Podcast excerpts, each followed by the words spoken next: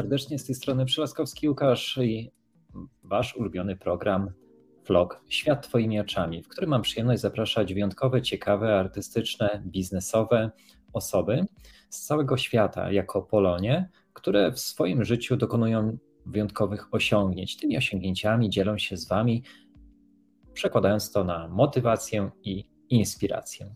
Dzisiejszym gościem jest osoba jako mentalna Paryżanka, opisująca swoją osobowość, dziennikarka. Obecna w mediach od ponad dwóch dekad, kierowała redakcjami informacyjnymi i lifestyle'owymi. Uczy studentów dziennikarstwa internetowego. Uwielbia opowiadać o jedzeniu, podróżach i dobrych książkach. Zakochana w Paryżu i narzeczonym, gdzie też mieszkają. Witam serdecznie Agnieszkę Łopatowską. Witam Ciebie serdecznie, Agnieszko. Dzień dobry teraz, dzień dobry. Witam serdecznie. Autorka książki W Paryżu możesz być kim chcesz. Tak, to ta książka. Mam pod ręką, żebyście Państwo mogli się jej przyjrzeć. Tak, piękna okładka, w której widzimy prezentację Twojej osoby w tle wieży Eiffla. E, no i tutaj teraz mm, oczywiście nasi widzowie, którzy w trakcie naszego e, wywiadu, rozmowy e, mogą zadawać pytania. Zapraszamy do komentarzy. Już mamy nawet pierwszy. Przywitanie się, jest to dobry o, wieczór. Jolanta, pozdrawiamy serdecznie. Zawsze zapraszamy do jakichś pytań w trakcie naszej rozmowy. Może pojawią się Wam skojarzenia podczas Waszych pobytów, doświadczeń w Paryżu, które postaramy się Wam odsłonić w nowej formie na podstawie obserwacji i researchu, jaki przeprowadziła Agnieszka do swojej książki, wydanej w tym roku. E, książka ma 13 e, rozdziałów, w 13 rozdziałach wydawnictwa Znak, a więc z Polski. No i oczywiście w tej książce mamy wiele, wiele tematów, ale wszystkie łączy, można było powiedzieć, jeden mianownik, a więc mm, z jednej strony miłość, a z drugiej strony jedzenie. E, I, i te, te jakby dwa mianowniki, ale spające w jedno. Zawsze można ją włączyć w miłość do jedzenia. Tak, miłość, miłość do jedzenia. I to, jest, I to jest ta sytuacja, w której i to jest ta sytuacja, w której możemy tutaj powiedzieć wszystkim, że poprzez te dwa mianowniki możemy poznać wspaniałą historię Paryża, tą dawną i tą obecną. Jeszcze nie tak dawno gościłem było w poprzednim odcinku panią Ewę Stachniak, autorkę powieści, e, gdzie akcja toczy się w XVIII wieku, także na terenie Francji, e, na terenie e, w Wersalu i w pobliżu Paryża. Więc, więc w tym momencie będziemy rozmawiać o Paryżu tym współczesnym XX-XXI wieku, no i z pewnymi odniesieniami do tych troszkę wcześniejszych lat jeszcze, które, w których poruszyłaś ciekawe wątki różnych wydarzeń, historii, osób. Witamy serdecznie Mirosława, który pozdrawia nas e, serdecznie. Witamy serdecznie też mojego tatę Edwarda, który nas pozdrawia. Tak, nas na bieżąco. E, no. wiernych fanów. I tak. moja wierna fanka już tu jest, twój wierny fan już tu jest, to możemy e, spokojnie tak. ten wieczór. I to jest, i to jest mi, miłe przez sympatyczne. Może zacznijmy może od tego, mm, zanim wejdziemy w temat książki, no bo książka jest o Paryżu. Jak to stało się, że zakochałaś się w tym Paryżu e, i że znalazłaś się tam? No bo wiele osób wyjeżdża za granicę na przykład za pracą, są zmuszeni wyjechać, ale ty wyjechałaś z zupełnie odmiennych powodów zupełnie odmiennych. E, e, pracy będę musiała nadal szukać, ale tak, no ja poznałam swojego narzeczonego i to historia E, e, jedna z lepszych, e, które jakby ukuła, która ukuła się w ostatnich latach, bo my poznaliśmy się tuż przed pandemią i już jakieś pierwsze, pierwsze parę dni spędziliśmy razem w moim rodzinnym Krakowie, gdzie się spotkaliśmy, natomiast potem już pandemia zaczęła nam mocno krzyżować szyki, odwołując loty, blokując pracę i, i jakby cały świat i po jednej i po drugiej stronie. E, no ale tutaj no, ciekawa historia odwagi mojego na, na, teraz już narzeczonego, e, który znając mnie e, kilka tygodni zdecydował się na to, żeby wsiąść do ostatniego samolotu rządowego z Paryża przed wielkim lockdownem światowym, co musiało się łączyć z tym, że na dwa tygodnie zamknie się ze mną w, w zasadzie ledwo co poznaną kobietą w też stosunkowo niewielkim mieszkaniu krakowskim, no i, i będzie musiało jakoś mnie ścierpieć.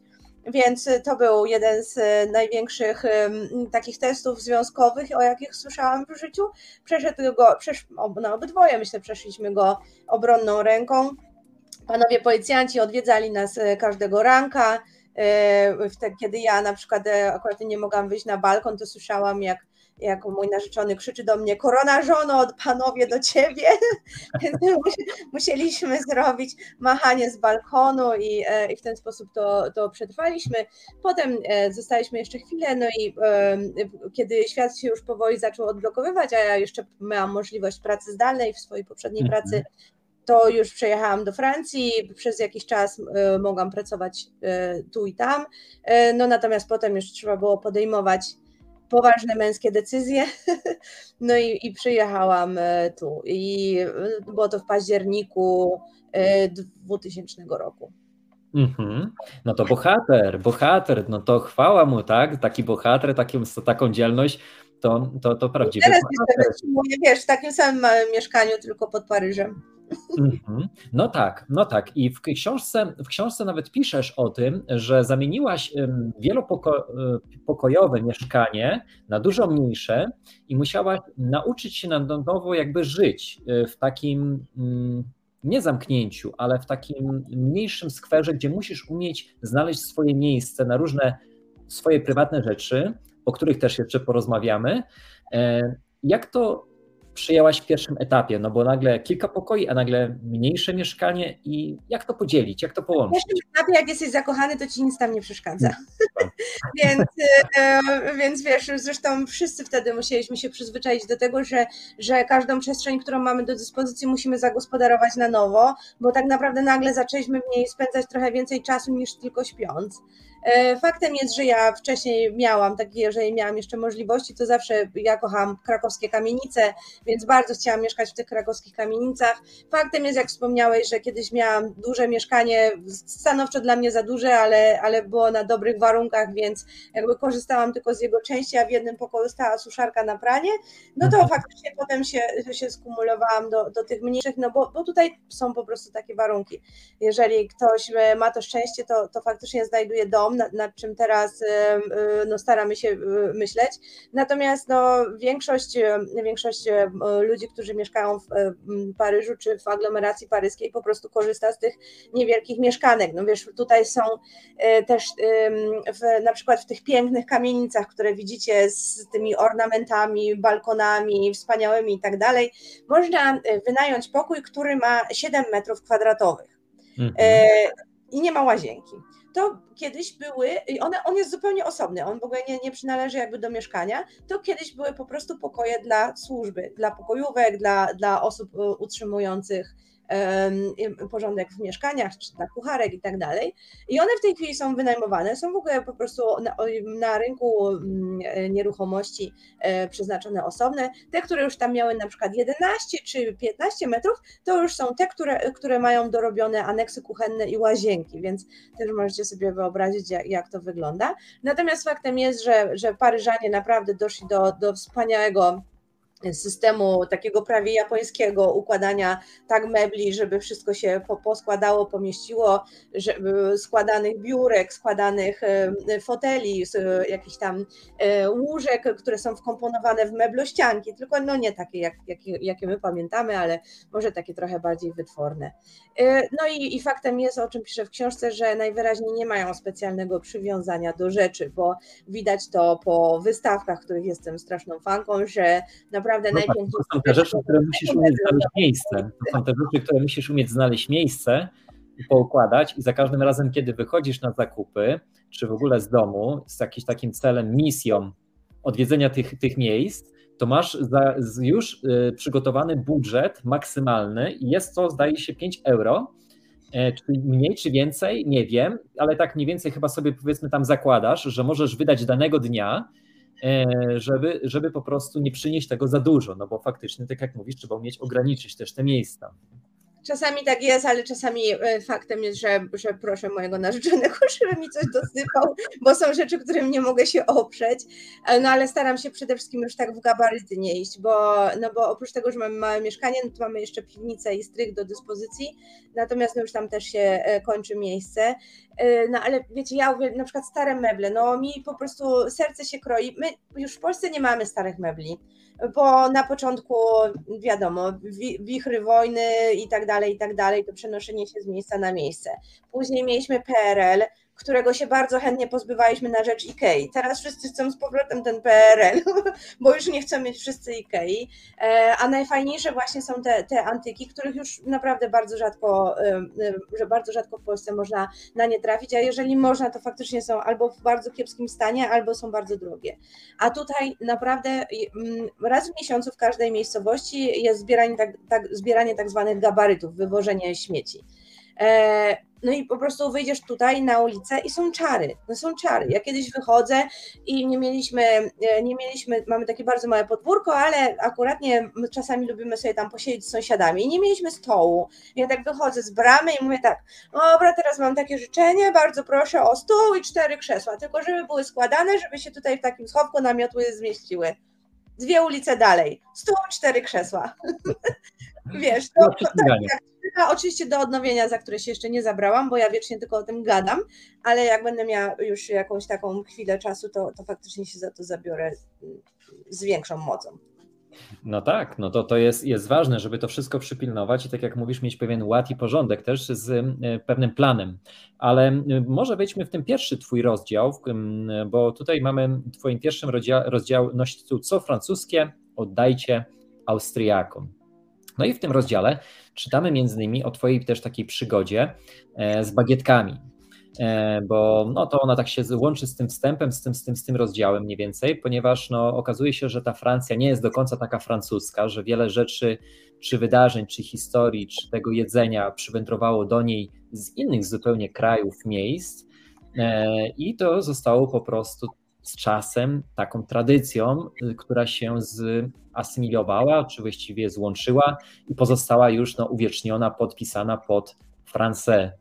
Więc, e, więc w tym przypadku tutaj akurat no, te bagietki. No te bagietki piszesz o tym, że jak pierwszy raz poszłaś zamówić, okazało się, że zamówiłaś je nie do końca tak jak trzeba i okazało się, że to nawet nie była bagietka. Mhm. E, nie, wiem, że na pewno pomyliłam rodzajnik, że przyszłam mhm. taka bardzo butna i mówię do pani un baguette s'il vous plaît, bo wydawało mi się, że tak właśnie powiedział ktoś wcześniej, a to chodziło o to, żeby być in, czyli, e, czyli w rodzajniku żeńskim, co jak piszę, no bo pani mnie tam no stanowczo, ale uprzejmie e, poprawiła. Ja sobie myślę, że też jakby mi ktoś powiedział, że poproszę jedną obwarzankę, to pewnie też bym mu robiła awanturę na rynku w Krakowie więc, y, więc tutaj pod tym względem ich rozumiem. Ja od razu muszę powiedzieć, że już od któraś osoba mi powiedziała, że tej książki nie należy zaczynać y, czytać na głodnego. Mhm. więc ja mówię, że chyba faktycznie ktoś powinien do tego dorzucać bagietkę. Ja uważam, że najlepszy klimat to wziąć sobie wino, ser, bagietkę, przegryzać sobie tam i tak właśnie nie, nie odchodzić daleko od lodówki, bo tam też dziewczyny pisały, że czytają na plaży i że to nie jest takie fajne, bo już bardzo głodniały. Więc faktem jest, że, że zaczynając pisać tę książkę, myślałam, że o jedzeniu napiszę jeden rozdział. I właśnie mhm. chciałam się rozprawić właśnie z tymi mitami, że ta bagietka, ten symbol narodowy, tak, tutaj opiewany, po prostu jedzony, w, nie pamiętam, chyba jest e, sprzedawany mm, no nie, nie pamiętam ile dokładnie, ale ba, bardzo są wysokie liczby jakby sprzedaży dziennej bagietek e, we Francji. Nie chcę teraz e, czegoś na pewno, na pewno mamy tam informację od, od strony, że wszystkie e, lokale, które są otwarte, to przynajmniej w każdej dzielnicy musi być otwarty minimum jeden. Tak. Na, na, dany, na, dany, na dany czas, na dany na, To jest tak zwane prawo chlebowe, które mówi, że na jakąś tam ilość mieszkańców musi być co najmniej jedna bulanżeria, tak jak mhm. apteka zresztą. E, różnie z tym bywa, bo na przykład teraz jest sierpień i, e, i oni na przykład sobie jedną teraz naszą bulanżerię w miasteczku remontują. W związku z czym następne są na urlopach, bo wiecie, we Francji sierpień jest bardzo, bardzo popularnym miesiącem wakacyjnym. Mhm. W zasadzie większość ludzi wtedy wyjeżdża. No więc wtedy zaczyna się robić trochę kłopotu, kiedy, kiedy ta bulanżeria gdzieś w okolicy jest zamknięta. W drugiej się robią bardzo duże kolejki. No ale oczywiście da się to wszystko przeżyć. No a poczytacie mhm. sobie e, bagietka i od razu powiem, że tak samo ten croissant słynny e, też niewiele ma wspólnego z e, takim francuskim kulinarnym DNA. No tak, to jest, to jest oczywiście do tak, doczytania już tak. w książce tych, tych szerszych informacji, ale też w książce oczywiście dowiadujemy się, że jednym ze specjalistów, jeżeli chodzi o kucharzy, jest pan, który jest Polakiem i dodatkowo nazywa się z nazwiska Kucharski. E, tak, dobrze mówię? Kucharski. E, Łukasz Kucharski, ale on jest piekarzem. Jako jest... piekarz, tak, tak, jako, jako, pie, jako piekarz, przepraszam. I e, specjalizuje się w swoich wyrobach na tyle dobrze, że dostarcza je do nawet tych zamożniejszych i polityków włącznie, którzy są jego stałymi klientami. Miałem przyjemność nawet obejrzeć taki chyba zdaje się krótki reportaż o nim poprowadzonym przez jedną z telewizji polonijnych, Pepe TV, w których można zobaczyć jak wygląda jego dzień od wczesnego, y, przed wschodu słońca, można byłoby powiedzieć, aż, aż po ten moment, kiedy no już zaczyna się robić ruch, a on już jest w tym momencie no, na rozładunku ostatecznym, dostarczeniu tego wszystkiego, więc faktycznie e, ciekawie to wygląda, ale najciekawiej i najsympatyczniej i najsmaczniej, kiedy widzi się to oczami już te wszystkie produkty, bo okazuje się, że tych bagietek jest ogromna, ogromna ilość, ogromne rodzaje, i co e, dzielnica, to co miejsce, co ulica, to i pewne są różne rodzaje zasady wprowadzone.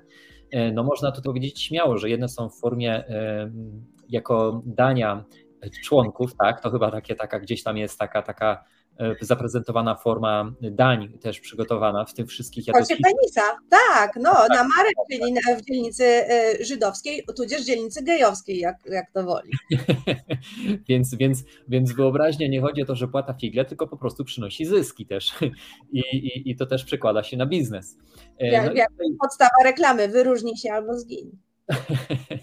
więc, więc, więc, więc pomysłów jest co niemiara. E, I tutaj no jest, e, moglibyśmy długo rozmawiać oczywiście o rozdziale, o tym jedzeniu powiązanym akurat w tym pierwszym rozdziale, no ale musimy też mieć e, czas dopasowany do innych rozdziałów, bo na przykład mamy w drugim rozdziale już od, Wiedeńczyk, od Wiedeńczyka po Laguna, czyli historia croissantów. I co zainspirowało Ciebie, żeby poruszyć akurat ten temat?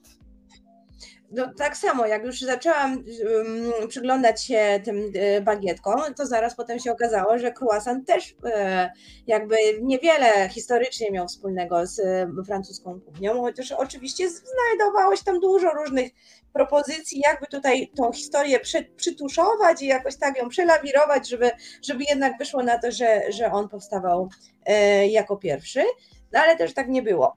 Natomiast Znajdziecie też w nim bardzo ciekawe historie o tym, jak to baba rumowa y, ma polskie korzenie, niekoniecznie francuskie. Oczywiście powstała we Francji, ale y, z kolei tutaj za, y, za jej, no jej twórcą, w zasadzie jej wynalazcą był piekarz polskiego króla, cukiernik polskiego króla. No więc my Polacy potrafimy oddziaływać na bardzo szerokich, można powiedzieć, levelach, miejscach e, ze swoim doświadczeniem potrafimy dotrzeć wszędzie, e, ale to się też ceni, bo w takim razie stanowi to, jak potrafimy szeroko wykorzystywać swoje walory, umiejętności. E, no i tutaj ta cała historia tego wszystkiego, co tu wypowiadasz w tym rozdziale, tak jak mówisz, jest dosyć ciekawa, tym bardziej, że pokazujesz to z perspektywy kilku różnych mm, sytuacji, wieków, które miały, tak jak mówisz, oddziaływały w mniejszym bądź większym stopniu jako takie legendy, które mogły być, ale raczej nie są brane pod uwagę, jak do tego to wszystkiego doszło. No ale w tym jedzeniu, w tych całych smaczkach, w tym pojawiają się inne estetyki, bo to nie tylko jedzenie, to też są ubiory. E, no i na przykład wspominasz właśnie w tych e, legendach, gdzieś w tych e, historiach, że gdzieś podobno na przykład, tutaj wrócę akurat mm, do tych bagietek, że przecież one równie dobrze mogły być w strojach armii, armii, armii prawda, Napoleona, czy gdzieś indziej, takich, które byłyby szyte, bo tam one ze względu na swoją wygodę, na swoją długość łatwiej były umocowane i wygodniej było żołnierzom je nie kroić, a nawet, a nawet jeść. Oni bardzo chcieli, to właśnie była taki, wiesz, był taki pomysł Francuzów, że oni tak bardzo chcieli powiedzieć, że, że ta bagietka już była ich, że to było wymyślone po to, żeby żołnierze wielkiej armii mogli sobie takie małe, wąskie pieczywo wsadzać do, wsadzać do spodni. No ale mnie to bardzo mnie to rozbawiło, bo, bo faktycznie gdzieś była taka, taka wzmianka. No dobra, wyobraźcie sobie obrazy z, z armii Napoleona z, z tymi żołnierzami, którym, którym bagietka wystaje z gaci gdzieś. No właśnie, e, tego nigdzie nie ma.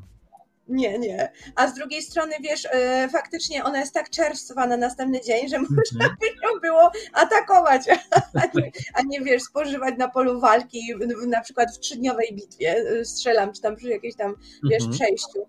No więc nie, absolutnie ta teoria została obalona mm, jako więc, więc, więc widzimy to spektrum, jak, jak te teorie przeplatają się z, z formą historyczną, ale też ubiorową, prawda? Do, tych, do tego ubioru jeszcze też wrócimy, e, ponieważ tutaj mamy też w trzecim rozdziale dość tej słodyczy, chodźmy na Tatara, bo w tych wcześniejszych rozdziałach trochę jest opisane też troszkę więcej w tematach słodkości, których jest naprawdę mnóstwo. Jest też ciekawie to opisane oczywiście na temat tych specjalistów, tych numer jeden, tej pierwszej dziesiątki, która e, jako e, dyrygują kuchnią francuską i mówią, e, jakie najważniejsze, najbardziej popularne dania są na ten moment i to wszystko potem przykłada się nie tylko na Paryż, na Francję, ale i również na świat. No ale tak jak piszesz tutaj, dość tej słodyczy, chodźmy na Tatara, bo to nie tylko słodkościami żyją e, osoby. No i ten tatar, ja przyznam się, że jak byłem w Belgii, e, zamówiłem sobie takiego tatara, ale ja zamówiłem sobie tego tatara, e, do tego tatara nie wino, tylko sok pomarańczowy. I w tym momencie chyba zgrzeszyłem. Może nie podpadłem w tym momencie szefowi te, tej lokalo, tego lokalu, no, ale. Twoim kubką smakowym mogłeś. E, tak, tak, tak. Więc, ale zastanawiałem się, zastanawiałem się na sam koniec, ja ewentualnie mogę mu podziękować. I z moją znajomością francuskiego, e, jedynie co mogłem na, na koniec powiedzieć, kiedy zapytał się mnie, jak mi smakował ten tatar, to powiedziałem magnifique.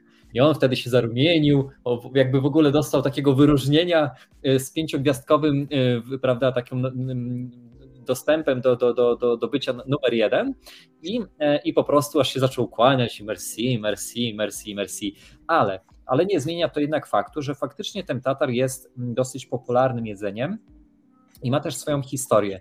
No i właściwie ten tatar jest też ciekawie opowiedziany przez ciebie. Gdybyś miała tak w skrócie powiedzieć, zachęcić naszych czytelników do tego trzeciego rozdziału, co ty, znajdzie, co, co ty byś poleciła im dojrzeć takiego ważnego w tym trzecim rozdziale? Mhm.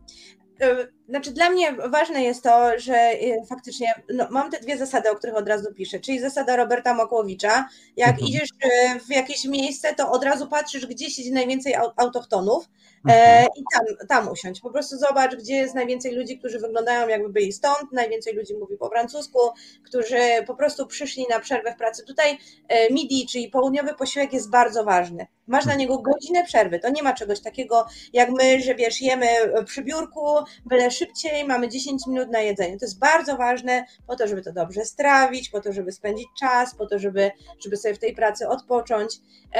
Tatar jest bardzo popularny. Powiedziałabym, że nawet aż czasami za bardzo, bo jeżeli trafisz w jakieś miejsce, to bardzo trudno jest się z takiego zaklętego kręgu tych Tatarów gdzieś wy, e, wyplątać i masz do dyspozycji Tatara, tam kaczkę, e, stek, więc czasami to jest takie bardzo monotonne, jeżeli jesteś w jednym tym, ale z kolei można też zrobić inne rzeczy, to znaczy na przykład w karcie często znajdziesz coś takiego jak, e, jak w, w, nie pamiętam jak to jest po francusku teraz, ale to jest y, to, co było u rzeźnika. O, że mhm. e, osoba, e, która robiła akuratnie mm, zamówienia, no oczywiście super, jeżeli jest to, e, jest to szef kuchni, dostaje wiadomość od swojego tam zaufanego rzeźnika, że ma akuratnie teraz świetne jakieś tam mięso. I on przygotowuje z tego mięsa, które akuratnie było dostępne, swoje takie popisowe danie.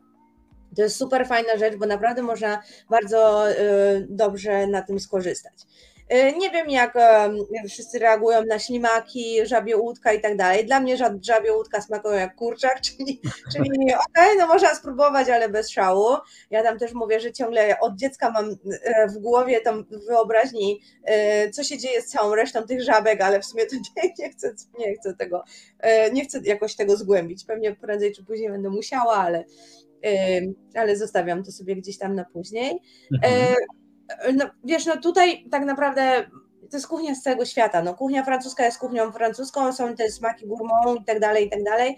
Taka prosta kuchnia jest właśnie prosta, też ma, też ma to do siebie, że, że, że te składniki są niespecjalnie wyszukane, są, są proste, do tatar, o, tatar zazwyczaj jest zmieszany, co w ogóle nam się bardzo, jako Polakom, bardzo rzadko zdarza. E, chociaż też już mi się zdarzyło, że, że dostaję pytanie, czy on ma być zmieszany, czy wolę to zrobić sama. Mhm. E, ale, no ale w większości też się zdaje na nich, no bo, bo no myślę, że wiedzą, co robią. E, jeśli chodzi o wino, to jedno, czego się nauczyłam, nigdy nie pij białego wina do sera. To jest po prostu to właśnie tak jak ty mówisz, że, że sok pomarańczowy ci zepsuł tatara, tak po prostu każde białe wino zepsuje ci nawet najlepszy ser, więc, więc tego nie rób. Aha, no i ta druga zasada, do której dążyłam, ja, ja, ja się staram nie jeść e, ciągle w tym samym miejscu. Oczywiście to nie jest tak, że mnie tutaj nie zobaczysz w KFC albo w McDonaldzie, jak, jak już mam taki, taki miszmasz w głowie, że nie wiem, gdzie mam iść, e, to, to, to się zdarza, albo właśnie moje ulubione danie to bagietka z serem i z szynką, która, którą zawsze znajdziesz w każdej boulangerii w okolicy i możesz sobie ją po prostu zjeść na ulicy. No to tak, no jeżeli rozmawiamy o trzygwiazdkowych czy tam dwugwiazdkowych restauracjach Michelin, no to jeszcze są poza moim, jeszcze mówię, kupujcie książkę. Tak, będzie możliwość szybciej wyjść do, do restauracji. Wtedy, wtedy będę mogła szybciej wyjść. Nie, oczywiście to żarty, no, no, no, nie wiem, nie stać mnie jeszcze na to, ale też opisuję tam sposób, w którym po prostu y, możesz y, nie iść do restauracji sygnowanej tymi gwiazdkami Michelin, ale nazwiskiem tego samego szefa kuchni, tylko po prostu w trochę niższym standardzie i też będziesz mógł tych jego smaku, y, jego smaków skosztować. Także to akurat nie jest na pewno super forma.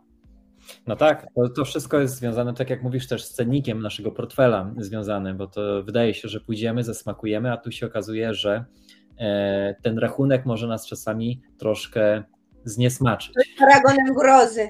Z może, paragonem, może ale, ale, tak jak mówię, no są możliwości tego, żeby zaoszczędzić. Natomiast no jedno, co Wam muszę na pewno powiedzieć, to jak się tutaj mieszka, no to produkty, które masz w każdym sklepie, nawet naprawdę najtańszym, albo są te sklepy, w których się kończą daty przydatności do spożycia i na przykład mhm. masz ekskluzywne sery, e, które skończą się za trzy dni i możesz je kupić znacznie taniej. Albo na przykład jak idziesz na stoiska rybne, to masz e, cztery rodzaje różnego, różnych ślimaków, różnego rodzaju małż, masz jakieś sercówki, masz nożyki, masz, masz jakieś zupełnie inne i to jest po prostu niesamowite. I wystarczy jakoś e, właśnie znaleźć sobie dobry przepis, które, jak mówię, to też są dość proste przepisy. Do większości tego potrzeba ci wina i szalotki um, i sera, więc, e, więc też naprawdę super można e, gotować. I ja też z wielką przyjemnością tutaj gotuję. Zresztą zawsze lubiłam, ale, ale jakby to też nie jest tak, że, że w domu tych przepisów nie odtworzysz. No tak, te przepisy, tak jak zauważasz, jeżeli już iść, to najlepiej kupować w oryginale e, i smakować w oryginale, e, tak jak są przyrządzone na miejscu, bo też to jest ciekawe, jak opisujesz, że właściwie osoby doceniają to, że te produkty są przyrządzone od początku do końca, bez jakichś półfabrykatów, bez jakichś dodatków chemicznych, spulchnia, spulchniaczy, e, które po prostu są efektem tego, że można to zrobić szybciej, taniej i faktycznie w markecie kupi się pochodną, ale nie będzie to w cudzysłowie, ale faktycznie oryginał. E, bo jednak e, ten oryginał powstaje na zasadzie, że musi gdzieś poleżeć, musi gdzieś dojrzeć, czasami tak jak wymieniasz, czy to w lodówce, czy to w jakimś zaciemnionym miejscu, niektórzy zauważą, chłodnym, I to jest ten proces, w którym nabiera wyglądu, smaku. No i jeszcze ten talent, wiesz, kucharzy, nie? Jego smaki, które, które ci proponuje. Bo jest tutaj na przykład wielki, wielka sieć e, takich marketów, e, które sprzedają mrożonki. Nazywa mhm. się Picard i tam faktycznie możesz kupić wszystkie gotowe dania, jakie chcesz. I one są naprawdę dość dobrej jakości. Zdarza, bo na przykład Francuzi faktycznie nie, nie bardzo lubią gotować, oni wolą mieć te swoje wszystkie rytuały gdzieś tam w mieście, spotykać się ze znajomymi, nie lubią też jakoś specjalnie dużo tracić na to czasu, więc są w stanie naprawdę taką, taką dość duże przyjęcie przygotować po prostu korzystając z tych przygotowanych już dań. E, I to też nie jest e, jakieś złe rozwiązanie, kiedy nie masz czasu albo, albo nie lubisz. No, ja też nie, nikogo nie oceniam po, pod tym kątem. No ja akurat nie lubię wszystko od początku do końca, a, a też lubię, jak ktoś mi przyrządzi. A powiedz mi, jak to wygląda we Francji? Bo nie każda kultura ma to do siebie, że lubi zapraszać osoby do domu. Czy we Francji Francuzi są otwarci, lubią spotykać się w domach, czy wolą jednak te spotkania na zewnątrz? Mm, Wiesz co, trudno mi jest powiedzieć, bo tak wiesz, nie, nie znam też znowu tak bardzo jakiegoś dużego przekroju. Na pewno ci, mhm. którzy mają małe mieszkania, no to, to, to wolą wychodzić. Wiesz, też dużo się zmieniło po pandemii, ale widzę, że, że też no, szukali też w, w trakcie mhm. pandemii, lockdownu wszelkich możliwości, żeby od razu chcieć gdzieś zobaczyć. E, jeżeli ktoś ma dom, to, to naprawdę z, wie, z wielkim, otwartym sercem, bardzo tam dużo przychodzi ludzi, Ro, rodziny bardzo E, też e, często się spotykają. Natomiast co tu jest super, to wszystkie pikniki. Mhm. Francuzi są naprawdę bardzo lubią pikniki, nie mają tutaj żadnych problemów z tym, że nie można pić alkoholu pod chmurką, dopóki oczywiście nie rozrabiasz albo nie śmiecisz. Więc, więc wiesz, wziąć sobie kocyk, kosz piknikowy, jakieś tam przekąski i tak dalej. I nawet, nawet organizują na przykład przyjęcia dla dzieci w, w parkach co jest w mhm. ogóle super, bo na przykład no, wczoraj e, w 13 dzielnicy w Chinatown e, byłam w parku i tam właśnie przechodziliśmy, a były drzewa, na drzewach były rozwieszone balony, girlandy, pod drzewami stały rozkładane turystyczne stoliki, na nich był obrusik i, e, i tam zastawa na chyba 20 osób. I nie ma z tym żadnego kłopotu, i to jest bardzo, bardzo popularny sposób spędzenia czasu. E, jeżeli chodzi o tę otwartość, to dla mnie Francuzi powiem, że są bardzo podzielone na ten temat zdania. Dla mnie Francuzi są mega otwartym narodem i ja nie miałam żadnych takich kłopotów nigdy, żeby ktoś właśnie mi jakoś tą drogę do swojego serca zamykał. Mhm. Ale to też zmierzam do tego, że na przykład, jak wspomniałaś, są pory tak zwanego obiadu czy lunchu, gdzie to jest ta przysłowiowa godzina. I teraz oni właściwie wychodzą do sklepów, właściwie do restauracji, do lokali, żeby zjeść i tam podelektować się przez tą godzinę, czyli oni nie jest coś takiego, że ma pudełko, w tym pudełku ma jedzenie, z tego pudełka wyciąga i je, tylko on woli faktycznie pójść i e, usiąść w lokalu, restauracji, w jakimś mniejszym takim e, lokalnym punkcie, który zaoferuje mu pewien posiłek bo na przykład tak jest popularne to w Holandii, gdzie ja mieszkam, e, w Belgii prawdopodobnie tak samo, bo przecież Belgia to też to wszystko mamy tutaj od nogi, od strony francuskiej, dlatego zauważyłem tego Tatara, jeśli chodzi o Brukselę, którą wtedy odwiedziłem. E, no i e, to jest, I to jest właśnie ciekawe, prawda, że tak jak zauważasz, że faktycznie Francuzi potrafią wyjść na zewnątrz, nie gnieździć się, ktoś by powiedział, w tych domach, ale też lubią gotować, też lubią pokazać, zaszczycić e, tym, tym posiłkiem innych. Nie wiem, czy z tym gotowaniem tak jest do końca. Tak? Właśnie mam takie wrażenie, że oni właśnie bardziej wolą już przyjść na gotowe. Na gotowe. Ale to też nie bardzo tak mogę generalizować, bo wiesz dlaczego? Bo ja przez większość czasu, którą tutaj jestem, e, to byłam w lockdownach, więc tak, e, ja tak. dopiero teraz jakoś tam, wiesz, poznaję trochę więcej tych ludzi, więcej ich zwyczajów, e, ale z tego, co, co tak rozmawiałam z moimi znajomymi, którzy, którzy tutaj mieszkają od lat, no to mówią, że raczej jednak wolą iść do restauracji. Mhm. No dobrze, więc to jest pewien zwyczaj, tradycja, która gdzieś dominuje w takim razie we Francji. Mamy tutaj taki rozdział kolejny jak Le Marais, duma ważniejsza niż pobudzenia. Co tak. kryje się za tym rozdziałem? Le Marais to dzielnica, która powstała na na, jakby na, na terenach e, dawnego e, zakonu, e, który, który został skasowany w, w gruby sposób. Tam Mowa o templariuszach, prawda? Proszę? Mowa o templariuszach.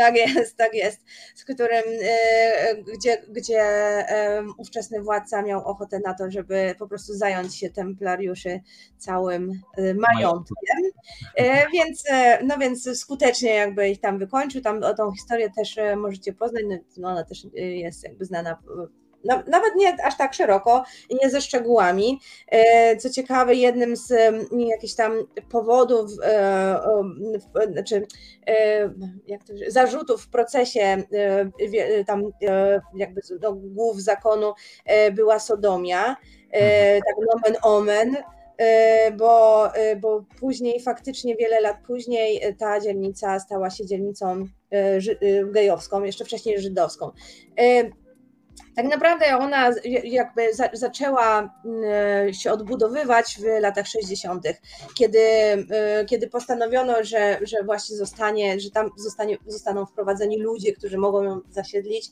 bo ona była przez jakiś tam długi czas na bagnach i tak dalej, i tak dalej. Bardzo skomplikowana jest historia taka jakby długa y, tej dzielnicy.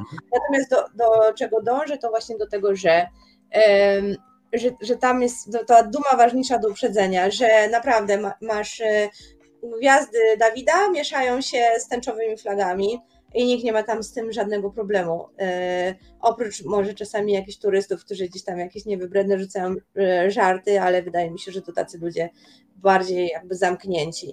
E, w tej samej dzielnicy jest to miejsce, gdzie oni przychodzą mm, manifestować, to jest w tej samej dzielnicy, co pisałaś, tak, gdzie przychodzą tak. manifestować i w momencie, kiedy ktoś manifestuje, ktoś po drugiej stronie de, facto toczy się normalne życie, jakby to jemu nie przeszkadza, bo to jest już jakby codzienność.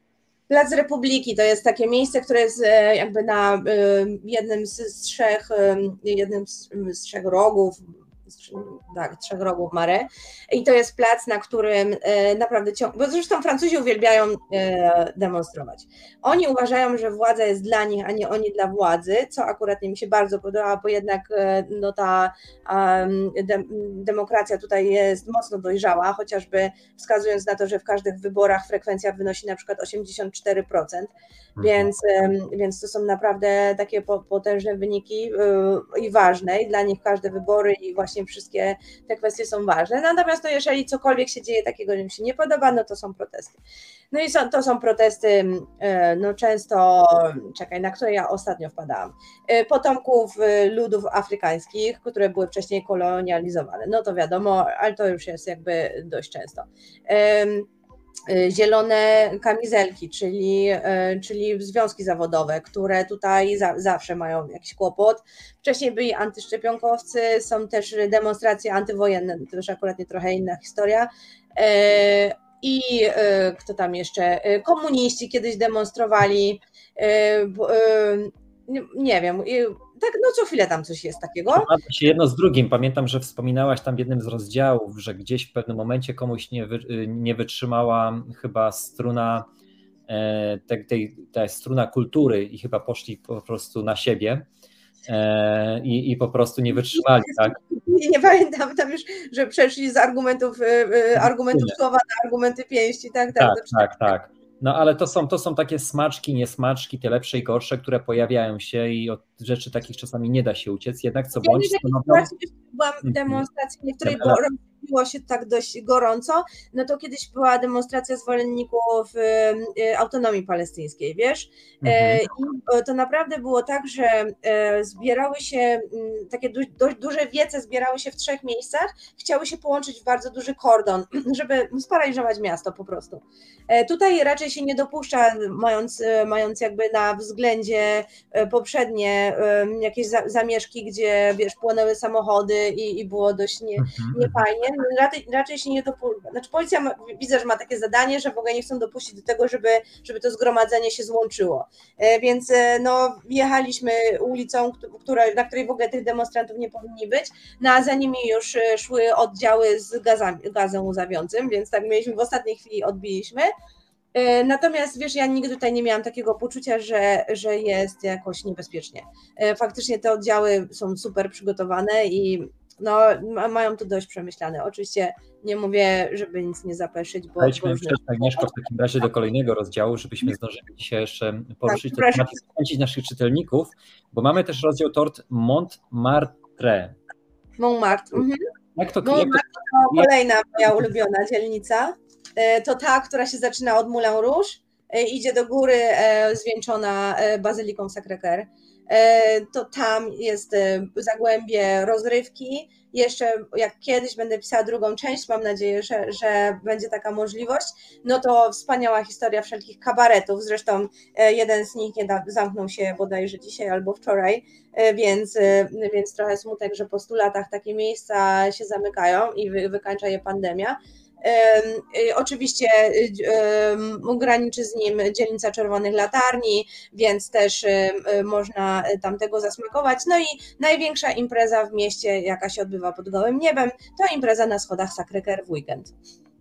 O, jak to, jak to wygląda, że na schodach gromadzą się tysiące... Na schodach po prostu siedzi w małych podgrupkach, dojeżdżają tylko Uber Eatsy albo jacyś inni, e, jacyś inni kurierzy, którzy, którzy dowożą im więcej jedzenia, czy jakichś napojów, czy czegoś. Większość ludzi ma, te, znaczy większość tych grupek ma swoją muzykę w przenośnych e, głośniczkach i co chwilę podjeżdża jakaś taksówka, która żeby kogoś dowieść albo żeby odwieźć już gdzieś dalej do jakiegoś klubu. Aha. No robi to ogromne wrażenie naprawdę i to jest przez całą noc. Czym starszy, tym lepsze. Vintage po parysku. Jak, jak, jak, jak, co, co nasi czytelnicy znajdą w tym rozdziale? Bo ja nie chcę jakby wyłapywać tych smaczków, które ja znalazłem, bo uważałem, że jak troszkę pokażę to z Twojej perspektywy, co Ty chciałabyś najbardziej zachęcić, jako Ty, pisarka, jako autorka, do, do tego. Ja za chwilkę jeszcze przejdę do głębiej do paru rozdziałów, wykorzystajmy ten czas jak możemy, ale tych kilka rozdziałów chciałbym, żebyś jeszcze tak w skrócie ty omówiła, prawda, zaprezentowała. No wiesz co, dla mnie, ja mam taką retro duszę, więc dla mnie e, wszystkie te rzeczy vintage, to tak samo jak ratuję te, e, jak ratuję te meble, to tak samo jak zawsze zobaczę jakąś, wiesz, torebkę, czy jakieś, e, nie wiem, no ostatnio mój narzeczony akurat nie znalazł na pchlim targu mokasyny Coco Chanel, które e, będę musiała e, mocno też e, podrasować, ale są super i, i fajne to było, że, że je gdzieś tam zobaczył wiesz, ja nie, nie znaczy tak, no, nie, ja lubię stare ubrania, bo one teraz tak wyglądają, jak, jak jak wyglądają. Nie, jak kup, czasami wiesz, kupisz coś w sieciówce, to za dwa miesiące wygląda jak e, szmata do podłogi. E, a jak kupisz coś, co ma 50 lat, to no już naprawdę nie będzie gorzej wyglądało. więc, e, więc trochę, no dobra, trochę nie wiem, nie wiem, czy to krakowskie skąpstwo moje jest wrodzone, czy nie, ale, ale na pewno wiesz, mam mam takie bardzo takie duże poczucie e, po pierwsze tego, żeby, żeby chronić planetę, a po drugie ja po prostu lubię oryginalnie wyglądać i jakoś tak e, mieć poczucie, że, że mam jakąś rzecz nie, nie taką że jak, jak wszyscy. Mm-hmm, mm-hmm. Może to niedobrze brzmi, nie wiem, ale. ale... ulicy. To jest też ciekawy temat, który tu opisujesz, bo pokazujesz tych artystów, jak malują, jak rysują, jak tworzą, jak mieszkają, jak to wyglądało wcześniej, z przełożeniem na dzisiaj, e, z takim no, tknięciem naprawdę takich podstaw tego wszystkiego, co się dzieje w, tej, w tym temacie, w tej sztuki, bo ona jest bardzo rozrośnięta we Francji, w Paryżu e, i pokazujesz e, rzeczy, które właściwie dotykają osoby będące nawet spoza Francji, prawda, bo tam jest na przykład Bankis, który ty, jego motyw, motyw ze szczurami, które często się pojawiał jego, jako artysty, E, i, i, i te zagadka, tak, czy właściwie on był z Anglii, czy on był skąd inąd, e, bo połączenie tam gdzieś było związane jednak z tymi promami, pływaniem, e, do, dotarciem. I, i, I ten motyw, który gdzieś przejawia się u tych artystów w muralach, między innymi graffiti, w, w, formach też takich, no, ale to też ubiór, to też kreowanie jakiegoś stylu, prawda, w tym, w tym, w tym artyzmie. Bo nawet jak wspomniałaś o Mm, o tej formie guzików w pewnym momencie, pewnego pana, który ma ich bardzo wiele w różnych kolorach. I ty tam kupujesz coś u niego, zrobisz drobne zakupy, ale widzisz, że ten jego mm, kram jest jakby już takim kramem odchodzącym, zanikającym. Czy właśnie dostrzegasz to, że pewne ci artyści mówią to tobie, ty rozmawiasz z tymi artystami, oni mówią tobie, że ich graffiti, ich prace czasami są na chwilę, na tydzień, na dwa, może tygodnie, na kilka dni, bo potem są zamalowywane, potem są, żeby później kolejni mogli się zaprezentować. Dzisiaj mówimy o social mediach, że są tak zwaną 3-minutową, minutową, 45-sekundową formą przedstawienia, pokazania się, ponieważ tylko tyle masz czasu na pokazanie się. Oni mają tylko tyle czasu na pokazanie, zademonstrowanie e, swojego poglądu, opinii w, w swoich artystycznych przemowach, tych i politycznych, i na różne inne aspekty e, filozoficznych. E, I właściwie, I właściwie to, co jest, to jest takie troszkę ulotne, w bardzo szybkim tempie. Ameryczne. Tak, mhm. Takim szybkim, szybkim tempie to przemija od, tego, od tej strony artystycznej i to nie tylko, tak jak wspomniałem, artystycznej, ale od strony chociażby kramów, do tego wszystkiego, co dotyka nas. Byliśmy zazwyczaj przyzwyczajeni, że coś może żyć, być długo, trwać latami, a tutaj dotykamy i, i pokazujesz to, jak trwa w ułamkach minut, dni, a czasami tylko i wyłącznie tygodni. Jaką, mhm. jaką ty masz opinię wobec właśnie tego, tego przemijania, tego, tego wszystkiego, co się dzieje dookoła? Czy to jest dobre, czy jednak czasami wydało potrzeba, aby było, żeby czas, coś powinno być troszkę dłużej? Czy, czy to jest, mm, czy ludzie w tym czasie krótkim, kiedy są te prace, te, te, te wszystkie przekazy, te materiały w stanie dostrzec i wyciągnąć jakieś wnioski, jakieś e, morały z tego wszystkiego? Ja już bardzo filozoficznie tutaj E, do tego podchodzimy. E, wiesz co, guziki to jest, to jest jakby osobna rzecz, bo to jest sklep tak. z guzikami, który po prostu on, on się ugina pod pandemią, więc tutaj jest co innego. Z twór, twórcami graffiti rozmawiam o tym, że oni mi piszą, że to są właśnie, że tak, taki jest los efemerycznych dzieł. Oni się na taką formę sztuki zdecydowali i oni wiedzieli, co za tym idzie. I faktycznie czasami jest tak, um, czekaj, bo właśnie wczoraj, wiesz, znalazłam jest, tak, jest takie graffiti właśnie w 13 dzielnicy, niedaleko takiego dużego skłotu, który został oddany artystom ulicznym. Nazywa się Spot 13 e, i tam normalnie możesz wejść i oglądać te, przychodzą ci artyści i cię oprowadzają, ktoś tym zarządza, które można zamalować, które nie. I niedaleko jest teraz nowy napis, E, to paint is to love again, czyli e, zamalowywać to znaczy po, po, pokochać na nowo. E, I wydaje mi się, że, że, że właśnie w tej formie E, no oni po pierwsze są z tym pogodzeni, z drugiej strony te przesłania są, są takie mocne. E, właśnie ten spot 13 ma, e, wrzucałam to nawet na swój Instagram, jak ktoś będzie miał ochotę sobie zobaczyć. Teraz dużo takich przekazów antywojennych wspierających Ukrainę. E, tak. Więc mhm. E, wiesz, część tych dzieł oczywiście zostaje. E, trwa walka z miastem, które je zamalowuje, z prywatnymi właścicielami. Ja mówię, no ja rozumiem, że na przykład tagowanie, czyli wypisywanie swoich, swojego logo czy swojej, swojej nazwy na, na ścianach jest wpisane w ruch graffiti. No ja go akurat nie pochwalam, natomiast kiedy są naprawdę piękne murale, takie jak mural Arlo Parks w, w Paryżu, no to czemu nie? To jest naprawdę piękna forma sztuki. E, ja uwielbiam tych artystów graffiti, bo jeżeli w ogóle sztuki ulicznej, bo to nie jest tylko graffiti, to są też płytki, to są, to są wlepki, bardzo, bardzo dużo różnych rzeczy. E, jeżeli ich gdzieś oznaczysz albo coś o nich napiszesz, to oni zawsze do ciebie napiszą, że dziękują, że jakie ładne zdjęcie, że to im się podoba. To jest naprawdę takie strasznie, strasznie sympatyczne. E, ciekawe też jest e, taki twórca, który się nazywa, nazywa Space Invader i on od, od wielu lat robi takie mm, no takie jak z gry kiedyś były, kosteczkowe, takie pikselowe ufolutki że mhm. upraszczam to bardzo, ale zrobił bardzo ciekawą rzecz, znaczy jest aplikacja, bo tutaj podchodzisz pod, y, pod właśnie taką jego, jego sztukę i kiedy trafisz na, je, na, na jego e, akuratnie dzieło, no to do tej aplikacji dodają ci się punkty. Jak nie trafisz, bo, bo on ma też dużo takich ludzi, którzy go podrabiają, wczoraj na przykład znaleźliśmy takiego pikselowego smurfa, no to aplikacja wyje, że to nie jest jego.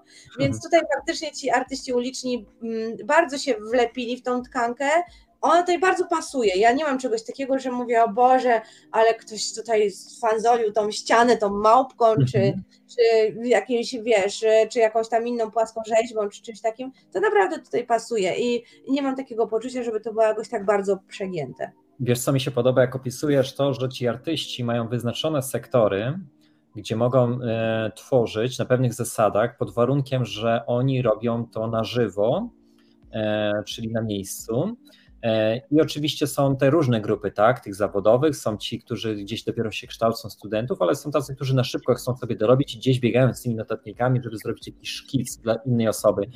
Jest to, przyznajmy, dla wielu krajów w jakiś sposób wydawałoby się, nie wiem, może uciążliwe albo w niesmak, bo nie występuje tego tak dużo, e, jakbyśmy oczekiwali w innych miejscach. Na przykład wydawałoby się Amsterdamie, czy Rotterdamie w Holandii, bądź Berlinie w Niemczech, czy na przykład w Warszawie. Nie spotykamy się z takim długim no, dzielnicą, czy dziedzińcem, czy ewentualnie ulicą, wzdłuż której tych artystów mamy jeden obok drugiego, że moglibyśmy naprawdę przebierać.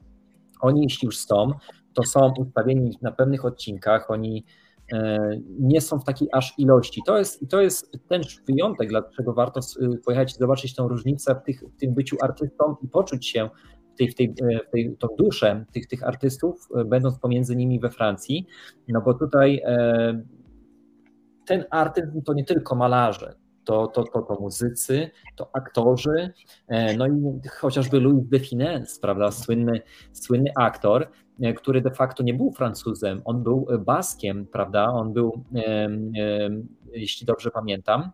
Nie wiem więc, więc, więc jego mama była z pochodzenia też Hiszpanką, więc ten, taki temperament, taki wybuchowy, taka osobowość wrodziła się w jego postać. E, no i e, czy może neopolitańczykiem, żeby też nie, nie, nie skorygujemy, to jeszcze sprawdzimy naszym e, widzom. Byłam ostatnio w Saint-Tropez w, w, tak. tym Muzeum Żandarmerii, ale przyznaję, że, że w, tak nie, nie, w jakby samą biografię się nie wbijam, ale Muzeum mhm. Żandarmerii bardzo polecam. Czyli jest do zwiedzenia Saint-Tropez, tam gdzie się ten film cały kręcił, ta miejscowość? Tak, A, tak. Czyli jest, jest do zwiedzenia. No to ciekawe. A powiedz mi, e, ten francuski szyk, francuski szyk, czyli ta moda, moda, od której nie uciekniemy dzisiaj, moda, która jest e, była i też w jakiś sposób przemija.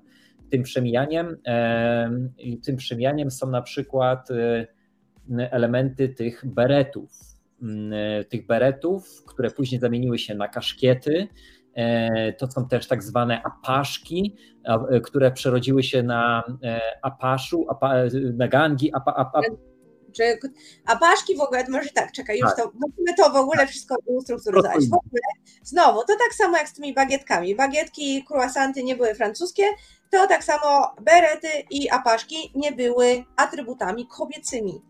Mhm. One były męskie.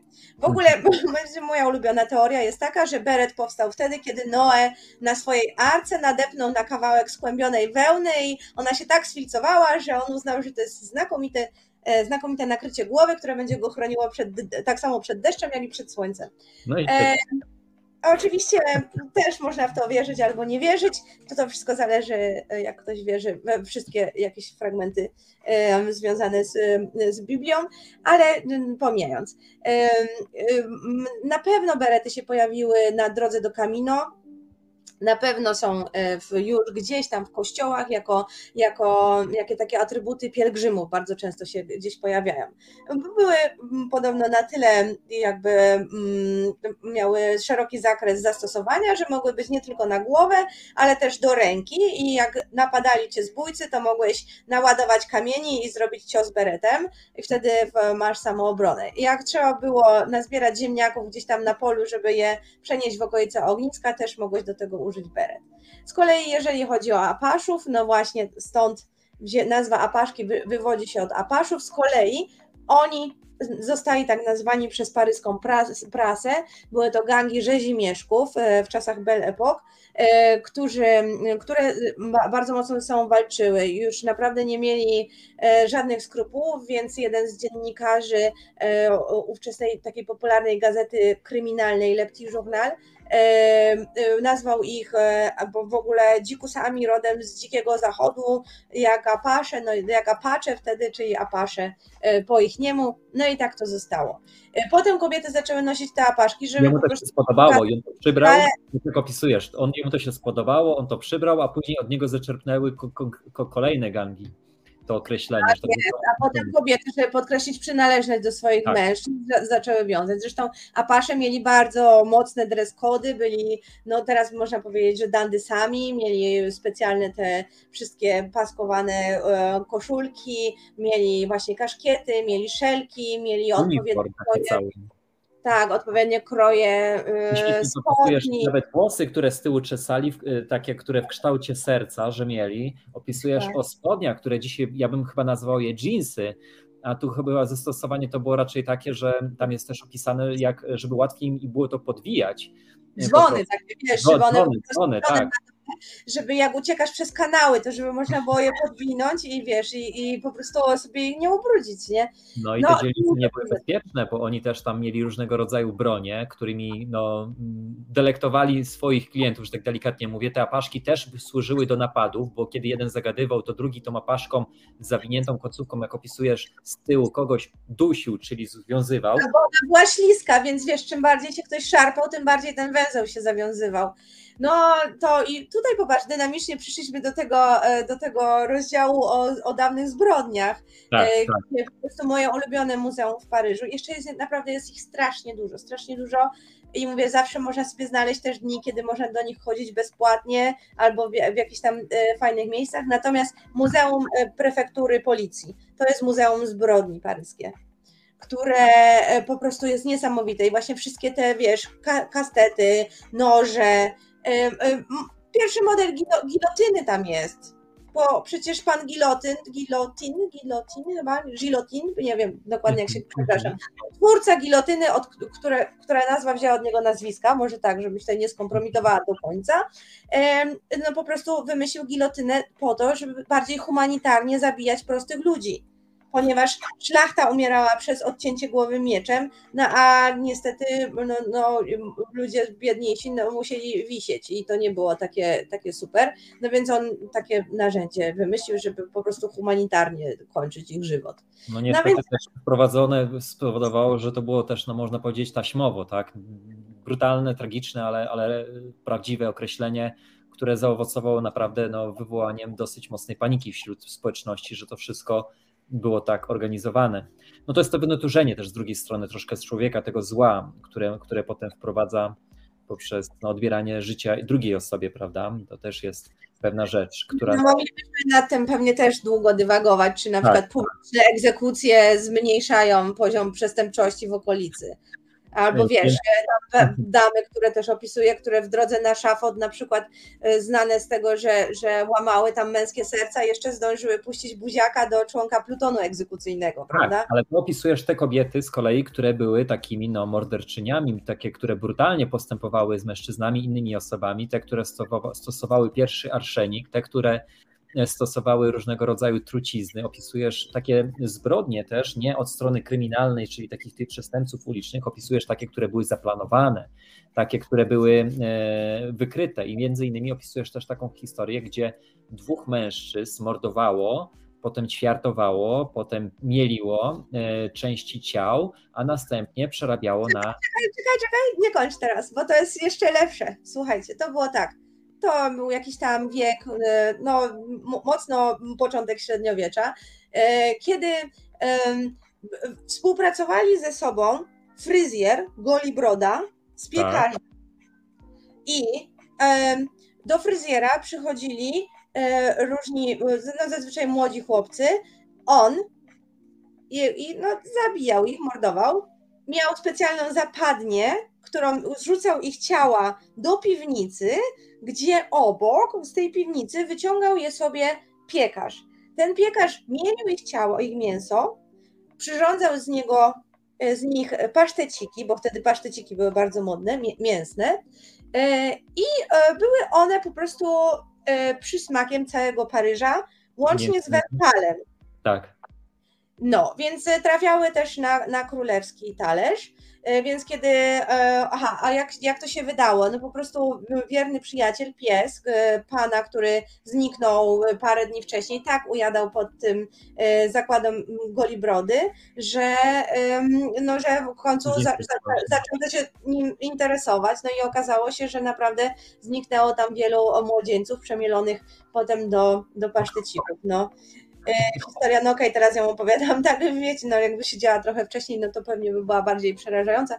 W każdym razie ciekawe jest to, że, że król się tak zdenerwował, że powiedział, że takie zło jest po prostu nie do wyplewienia, więc kazał ten budynek zniszczyć do ostatniej cegły. Tam podobno jest tylko ta jedna cegła w, pod teraźniejszą teraźniejszym to jest komisariat policji motocyklowej. No a tych dwóch złoczyńców tam jakoś strasznie chyba w klatce wsadzili do oleju czy do czegoś, jakąś taką straszną im karę też wymierzyli publiczną.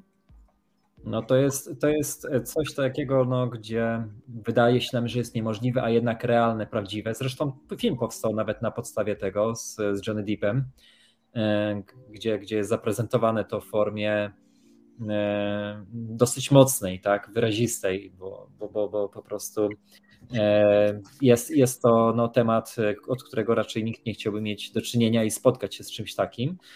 E, jednak, jednak przechodząc od tych zbrodniarzy, od tych ubiorów, mamy też informacje tutaj, jak hmm, chociażby francuski kochanek.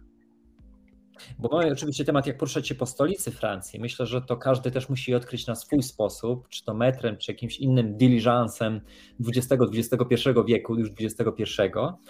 E, ale e, francuski kochanek. Ten francuski kochanek to można teraz po, po, po, jako miłość, prawda, jako, jako forma tej Francji, którą znamy e, też od strony artystycznej, ale też od strony architektonicznej, bo ładnie tam pokazujesz na przykład historię też o wieży Eiffla, prawda, gdzie twórca jej nie do końca był takim złotym człowiekiem, na którym można byłoby się wzorować, i z drugiej strony nie każdy też wie na przykład, że on też był twórcą, zdaje się, kana, kanału La Manche, E, ale, ale to jest inna historia, jeśli chodzi o jego projekt. W tym przypadku wieży Eiffla pojawia się motyw taki, że ty, drapując się na jej szczyt, złamałaś swoje takie lęki, lęki z wysokością.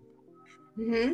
Znaczy to było akurat nie jak byłam, jak byłam młodsza, więc dzięki temu też jeden z moich takich, e, no e, duży, duży, duży kawałek serca został w Paryżu, e, bo kiedy miałam tam naście lat, ja tutaj pierwszy raz miałam chyba 13 lat, jak, jak przyjechałam, no to wcześniej mieszkaliśmy na drugim piętrze w bloku, więc ja miałam taki, taki lęk wysokości i w ogóle przestrzeni, że nie mogłam wychodzić na balkon, bo wydawało mi się, że urwie się balkon na dziesiątym piętrze, wiesz, spadnie na ten na dziewiątym, dziewiąty spadnie na ósmy i w ogóle ja, mnie zabiją te wszystkie balkony. Ja nie mogłam go robić. No ale kiedy przyjechaliśmy do Paryża, no zobaczyłam wieżę Eiffla, wiesz, no i wow, no efekt wow, no jest, no, no nie da się tego odkryć, no jakkolwiek ktoś może e, jej nie szanować, no to, no to jednak efekt wow robi na każdym. I I e, wiesz, i koleżanki mnie namówiły, żebym pojechała tylko na te nóżki. No mówię, dobra, no to na nóżki jakoś dam rady, no nie wygląda tak przerażająco. Potem mówią, no dobra, no to może się przesiądziesz do tej drugiej windy. No i ja myślałam, że już będę mogła wysiąść na tym, na tym drugim piętrze, ale okazało się, że tam tylko się winda zatrzymała na chwilę i wyjechaliśmy na górę, nawet nie wiedziałam w sumie kiedy. E, I sobie był wieczór, była burza, na dole trwał jakiś mecz w ogóle na stadionie i ja wyszłam powiedziałam, no i nie, już nie chciałam stamtąd wejść, wszystkie lęki mi przeszły. E, mogę od tamtej pory chodzić po górach, jeździć e, kolejkami linowymi i w ogóle wszystkim, czego nie mogłam zrobić. Jeżeli ktoś ma jakieś problemy z wysokością, musi obowiązkowo pojechać windą e, do. Nie wiem, czy dla każdego tak działa, wiesz. To spróbować, chociaż spróbować, taka, taka, taki jeden z, z punktów do, do zapisania, jak pozbyć się lęku wysokości, pojechać do Francji, do Paryża, wjechać na pewne piętro i następuje efekt wow, który niszczy wszystkie lęki, tak, a pobudza do chęci realizacji takich lepszych marzeń i planów. No to jest, to jest y, wartościowe, ale mimo wszystko, tak jak mówisz, pozbyłaś się tego i no ten y, właściwie francuski kochanek i fakty i mity o Paryżu. Jak moglibyśmy podsumować te ostatnie rozdziały y, takimi rzeczami, historiami, miejscami, które poruszasz w swojej książce, ale też e, które właśnie warto odwiedzić i zapoznać się, bo e, Francja jest tak bogata w wiele atrakcji. Jedni będą jechać tam na przykład na grób Jima Morrisona, inni będą tam jechać ze względu na Balzaka, o którym też wspominasz zresztą, bo bronił pewnej kobiety, która też była podejrzana o pewne morderstwo, ale pewna dyscyplina, pewna dziedzina e, badań naukowych, która powiązana była z kryminalistyką, nie była tak rozwinięta, że nie do końca jest pewne, czy te badania ich e, były prawidłowe i, i, i w efekcie, no, czy to śledztwo było prawidłowo zakończone e, tym wyrokiem skazującym tą osobę.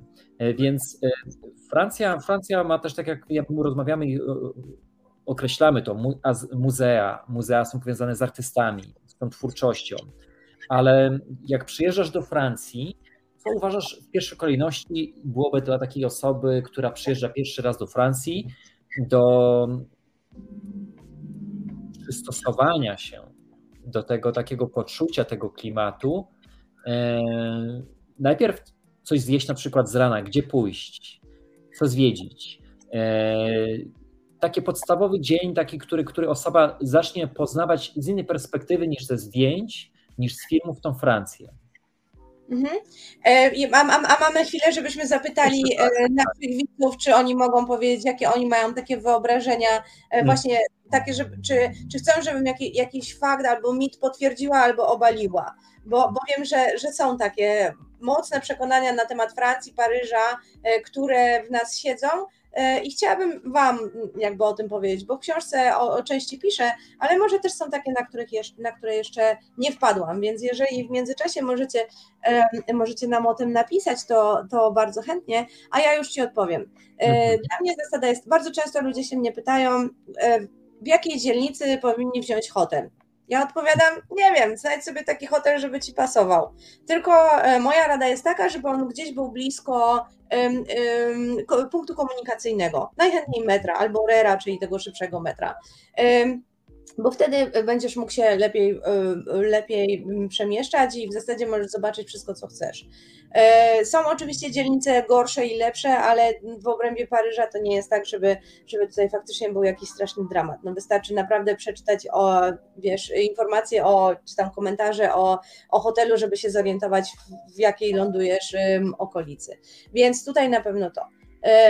Jeżeli chcesz zobaczyć jakieś takie rzeczy, które faktycznie chcesz zobaczyć, to sobie tam podjedź metrem, nie trać czasu. Ale dla mnie najfajniejsze jest chodzenie na piechotę. Uwielbiam to. Ja jak mam 6 godzinę, to idę godzinę, nie ma żadnego problemu. To, co zobaczę po drodze. Ja też nie lubię chodzić i iść w jedną stronę, wiesz, i wracać tą samą trasą.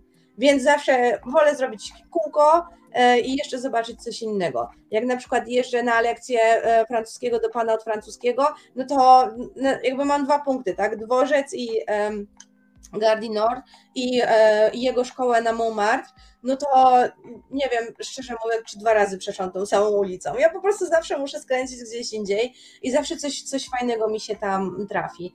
E, warto zadzierać nosa, to zawsze mówię, bo ja uwielbiam sztukę uliczną, więc ona zazwyczaj jest na górze, nie na dole więc e, też e, super jest na to zwrócić uwagę. E, Paryż ma bardzo fajne, jeżeli ktoś zna francuski, niestety nie ma po angielsku, ale też można sobie wziąć na przykład Google Lens i przetłumaczyć to, co jest napisane, czyli są te tablice informacyjne, takie na temat budynków, jakichś właśnie starych historii. Na przykład tam znalazłam informację, że, że kiedyś była duża katastrofa metra tuż po tym, jak je wybudowali, gdzieś tam paręset lat temu, nie paręset lat temu, no ponad 100 lat temu, więc też będę chciała to y, kiedyś tam jeszcze zgłębić taką, taką informację. E, dużo e, właśnie takich fajnych rzeczy można w ten sposób zrobić. E, co zjeść? No to też na co masz ochotę, na co ci po, pozwala budżet. Fajnie jest iść na to. Tu jest też pytanie takiej jednej osoby, bo pyta się o potrawa ratatouille. A, no super. No, łatwo też jest zrobić samemu. To jest, to jest jedna z najprostszych potraw. E, to w jakiś, ona nie zawsze jest tak podana jak, jak w kreskówce, że jest tak ładnie ułożona. E, e, to są po prostu pocięte warzywa, fajnie zrobione. Ja bardzo lubię, bardzo polecam. Trzeba zauważyć, że w Twojej książce, poza rozdziałami, opisami, na sam koniec zawsze są pewne dodatki. Czasami są to opisy dań w formie menu, a czasami są to mhm. takie podsumowania, informacje, e, które osoby mogą skorzystać, e, na co uważać, co, jak wykorzystać. Porady. Mieć poradniki takie. Więc na pewno książka sama w sobie ma wiele aspektów, z których każdy może no, wykorzystać w formie podróży, zwiedzania, e, przygotowania się, najpierw przeczytania, przygotowania się do tej Francji i zwiedzenia tego wszystkiego, ale sama jednak otoczka tego ducha pozostanie tylko i wyłącznie w momencie, kiedy tam przyjedziecie. Bo wyobrażenie sobie, przeczytanie tej książki to jest jeden krok, ale drugi krok no to jest zabrać książkę i z tą książką przemierzyć te wszystkie ulice, które też w książce są opisane, jak, na jakich ulicach znajduje się dany punkt, miejsce opisane, więc to na pewno przybliża czytelników do szybszego znalezienia, odszukania e, i wczucia się w ten klimat przywołanych dawnych historii, tych niedawnych i tych współczesnych. Tak, chociaż wiesz, mam takie, chciałabym się tutaj nie zgodzić, bo ja e, tak trochę się upieram, wiesz, że ta książka jest tak napisana, że nie trzeba w ogóle mieć w planach Paryża, albo nie mhm. Trzeba być, wiesz, że, że wydaje mi się, nie wiem, możesz oczywiście ty się ze mną nie zgodzić, ale wydaje mi się, że, że chciałam ją też napisać dla tych osób, które na przykład z jakichś powodów nie będą mogły do niego pojechać, e, mhm. żeby po prostu mogły sobie, wiesz, spędzić z nią jakiś tam fajny czas i, i niekoniecznie, wiesz, y, musząc mieć przed oczami to, o czym mówię. No, chciałam, chciałam tę historię tak wybrać, żeby, żeby one były w miarę uniwersalne i żeby to nie był mhm. właśnie taki klasyczny przewodnik. Nie wiem, może twoim zdaniem jest, jest, jest pięknym spacerem po tym Paryżu, po historii jego, po tych osobach, w której no, każdy może się odnaleźć, tak jak sama wspomniałaś, nie będąc w nim. Ale, ale z drugiej strony jest to zachęta, żeby chcieć właśnie pojechać i sprawdzić to. Czyli troszkę, troszkę ruszyć się z miejsca, czasami przygotować, mówić sobie, że nie niemożliwe, tylko tak możliwe, ale musisz się do tego zachęcić czasami. No jednym z moich takich największych komplementów dla moich książek jest to, że na przykład ktoś, wiesz, miał ten Paryż w planach, ale miał też jakieś inne tam marzenia i nagle po prostu postanowił ten Paryż przesunąć na pierwsze miejsce i e, no i że które, które mm, zachęcone jakby lekturą książki e, tutaj były, więc to jest dla mnie super, super komplement, ale też właśnie fajnie, że, że ktoś mówi, że wiesz, no nie mogę albo, albo nie, nie myślałem o tym, ale, ale właśnie ona jest e, taka osobna. Ja jeszcze chciałabym zwrócić uwagę na to, że, że w sumie po raz pierwszy mm, ze znanych mi pozycji wykorzystałam w książce QR-kody, bo jak widzisz, ja też du dużo myślę, dużo chcę powiedzieć, dużo chcę pokazać, a, a nie zawsze mi się to, nie zawsze mi się to jakby kumuluje w takiej mniejszej objętości. To też moje zboczenie zawodowe, bo ja ponad 20 lat pracowałam jako dziennikarz internetowy, więc miałam do dyspozycji tyle miejsca, ile, ile sobie życzyłam, e, więc e, też pod tymi QR-kodami e, znajdziecie jakieś przydatne rzeczy, filmy o wymowie na przykład francuskiej, pana od francuskiego, albo, albo co tam jeszcze, no jakieś, no generalnie takie suplementy, które w druku by się nie zmieściły, e, plus właśnie przygotowałam, wiesz, mapę Google'a, na której wszystkie te punkty, o tak. których opisuję e, są e, zamieszczone, więc jeżeli ktoś ma ochotę, to może z niej skorzystać, chociażby, wiesz, jestem tutaj, co mam w okolicy, no to, no to postarałam się to wszystko poopisywać. I to jest piękne wzbogacenie, jednocześnie zachęta, żeby kupować Twoją książkę. I powiedz, można ją kupi, kupować przez wydawnictwo Znak, ale także u Ciebie, przez Twoje strony, do których możecie dotrzeć, przewijają się w pasku albo są w opisie jak, e, jako post, w poście, w postach. A ponadto no, może uda się nam wprowadzić do wydawnictwa Lukas Frankenstein, te parę pozycji, żeby osoby miały je dostępne też tutaj na terenie Holandii bliżej, szybciej. Byłoby super, oczywiście tak, e, tutaj kombinujemy jak to zrobić, żebyście, żebyście mogli je dostawać w każdym w zasadzie miejscu na świecie. Też u Łukasza Kucharskiego właśnie w Maison Dupin, czyli w dwóch polskich piekarniach w, w Paryżu są przygotowane z, z autografami przez Tezeusz.pl, mój ulubiony antykwariat, w którym możecie znaleźć książki w każdym języku świata, w ogóle niesamowite. Y, też czekają z dedykacjami przez wydawnictwa Znak, Empiki, a jak tylko będziecie mieć ochotę, no, tak samo e-booki są dostępne, więc mam nadzieję, że, że zachęciliśmy Was do tego, żeby po nią sięgnąć. I ewentualnie zadać dodatkowe pytania przez profile, które macie dostępne na dole. Ja dzisiaj sobie serdecznie dziękuję. Dziękuję też Wam wszystkim za to, że e, byliście naszymi gośćmi, że chcieliście e, wziąć udział tutaj w formie nawet takich Waszych pewnych e, pytań, pozdrowień, więc to jest bardzo miłe. Ja życzę oczywiście Tobie kolejnych pozycji. Mam nadzieję, że te kolejne, tak jak już wspomniałaś, przygotowujesz się do kolejnych. Czyli gdzieś tam. Ja już jestem w trakcie, za chwilę wracam z powrotem do, do drugiego tekstu, więc trzymajcie kciuki. O, to super. I myślisz, że spodziewać się możemy tego w najbliższym roku, dwóch lat? Jaki czas byś dała scenę? To teraz e, wracam do swojego rodzinnego Krakowa, tym razem to nie będzie Paryż. E, no ale tak, no już e, prace nad tym są mocno zaawansowane, więc mam nadzieję, że niebawem już będę mogła coś powiedzieć więcej, ale no teraz już jestem głową w, w następnym tomie. Okej, okay. więc prace trwają, bądź trzymamy kciuki. No i oczywiście zapraszamy wszystkich do śledzenia profilu, profili naszej, naszego gościa, naszej autorki. Agnieszki Łopatowskiej. A jeżeli chcecie jakieś zawsze pytania, to śmiało piszcie pod postami naszego wywiadu. Postaramy się Wam na bieżąco odpowiadać. No i zapraszamy do kolejnych odcinków w Świat Twoimi oczami, aby śledzić i udostępniać polubić być razem z nami. Dziękujemy serdecznie, dziękuję Tobie. Mamy tu jeszcze pozdrowienie od mm, Mirosława. Świetna audycja i gość. Pozdrawiam serdecznie. Dziękujemy bardzo. Dziękujemy bardzo też Jolancie, bardzo dziękujemy. Dziękuję. Wszystkim Wam. Do zobaczenia gdzieś w internecie albo na e, ścieżkach światowych, bo, bo to też nie, nie, przecież nie tylko o to chodzi, żeby siedzieć w Paryżu. No tak, ruszyć się z miejsca i poznawać świat poprzez kuchnię i smaki jej życia. Także dziękuję Tobie serdecznie, dziękuję Wam wszystkim.